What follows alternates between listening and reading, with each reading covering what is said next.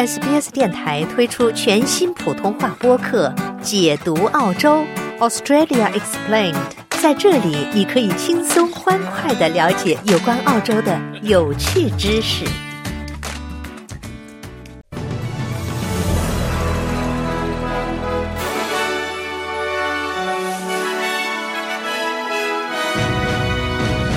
总理表示将力推议会通过减税新政。澳洲各地昨日展开集会声援原住民。以色列批评国际法庭种族灭绝判决。查尔斯三世前列腺手术之后情况良好。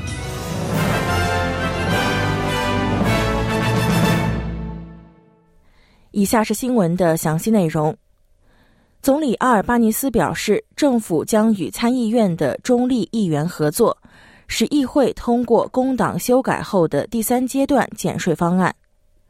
虽然反对党领袖达顿将阿尔巴尼斯称为骗子，但是达顿不愿透露联盟党是否会在议会或下次选举中支持这些改革。如果改革在议会受到挑战，工党将需要绿党和两名中立议员的支持。绿党领袖班特呼吁进行进一步改革，以确保中低收入者获得更大的财政减免。阿尔巴尼斯表示欢迎相关对话。I think these are sensible changes. We'll argue for it. We'll argue for it in the the coalition. I've noticed yesterday. 我认为他们看到了明智的改变，他们会支持他。我注意到联盟党昨天发表了声明，甚至没有说他们一定会投反对票。我们将拭目以待，我们将等待他们通过他们的机制。我们会和所有的中立议员对话。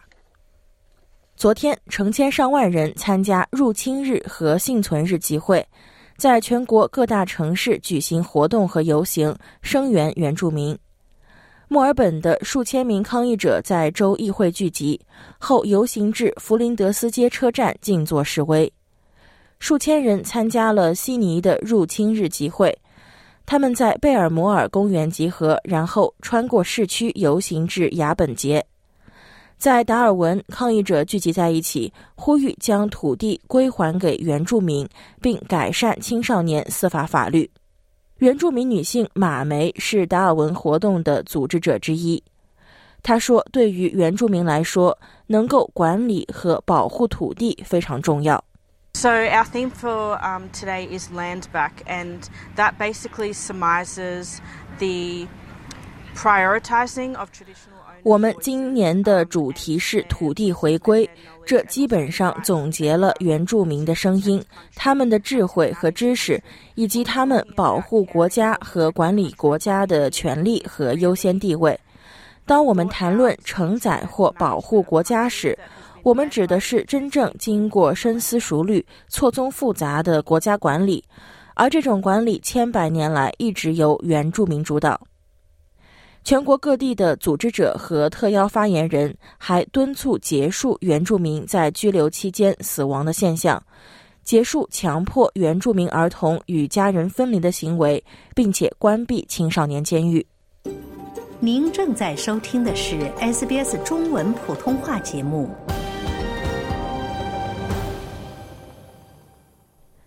欢迎您继续收听 SBS 新闻简讯。接下来，我们来关注一下国际方面的消息。以色列驻联合国大使埃尔丹批评联合国际法庭和联合国没有站出来支持以色列，并反对哈马斯。埃尔丹还批评了国际法庭命令以色列采取行动，防止其在加沙对哈马斯的战争中发生种族灭绝的决定。埃尔丹表示，这令人震惊。The UN has become one of the weapons in the arsenal of modern-day Nazis. Against us. 联合国已经成为现代纳粹的武器库之一。联合国的每一个机构都已经成为反对犹太国的武器，被利用来作为帮助消灭我的人民的工具。这有多大的象征意义呢？在国际大屠杀纪念日，近东救济工程处的雇员被揭露参与了大屠杀，这又有多大的象征意义呢？一位王室消息人士称，英国国王查尔斯三世在按计划接受了前列腺增生治疗之后，情况良好。王储威廉的妻子凯特王妃此前也在同一家医院接受了手术。周五，查尔斯三世在王后卡米拉的陪同下，前往位于伦敦西部的私人伦敦诊所。凯特王妃上周接受腹部手术后，也在那里接受治疗。数个小时后。卡米拉微笑表示，查尔斯三世的状态良好。一位王室消息人士证实，手术已经完成，并且查尔斯三世状况良好。来关注一下国际货币市场。截止到澳大利亚东部夏令时早上的六点五十五分，在国际货币市场上，一澳元可以兑换零点六五八美元、四点七零二人民币、五点一四二港币以及二十点五九零新台币。在新闻节目最后，再来看一下全国各主要城市今天的天气情况。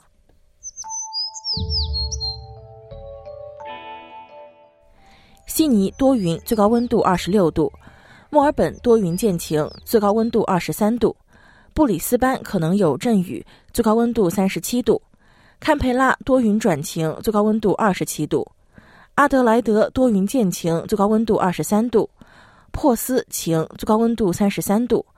达尔文可能有暴风雨，最高温度三十度；霍巴特时有阵雨，最高温度二十一度。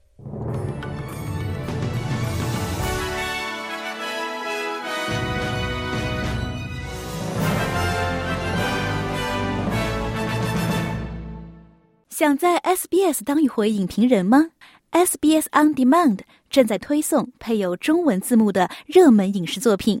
您只需观看一部或以上影视作品，并把影评观后感发给我们，就有机会赢得一份 SBS 精美礼品。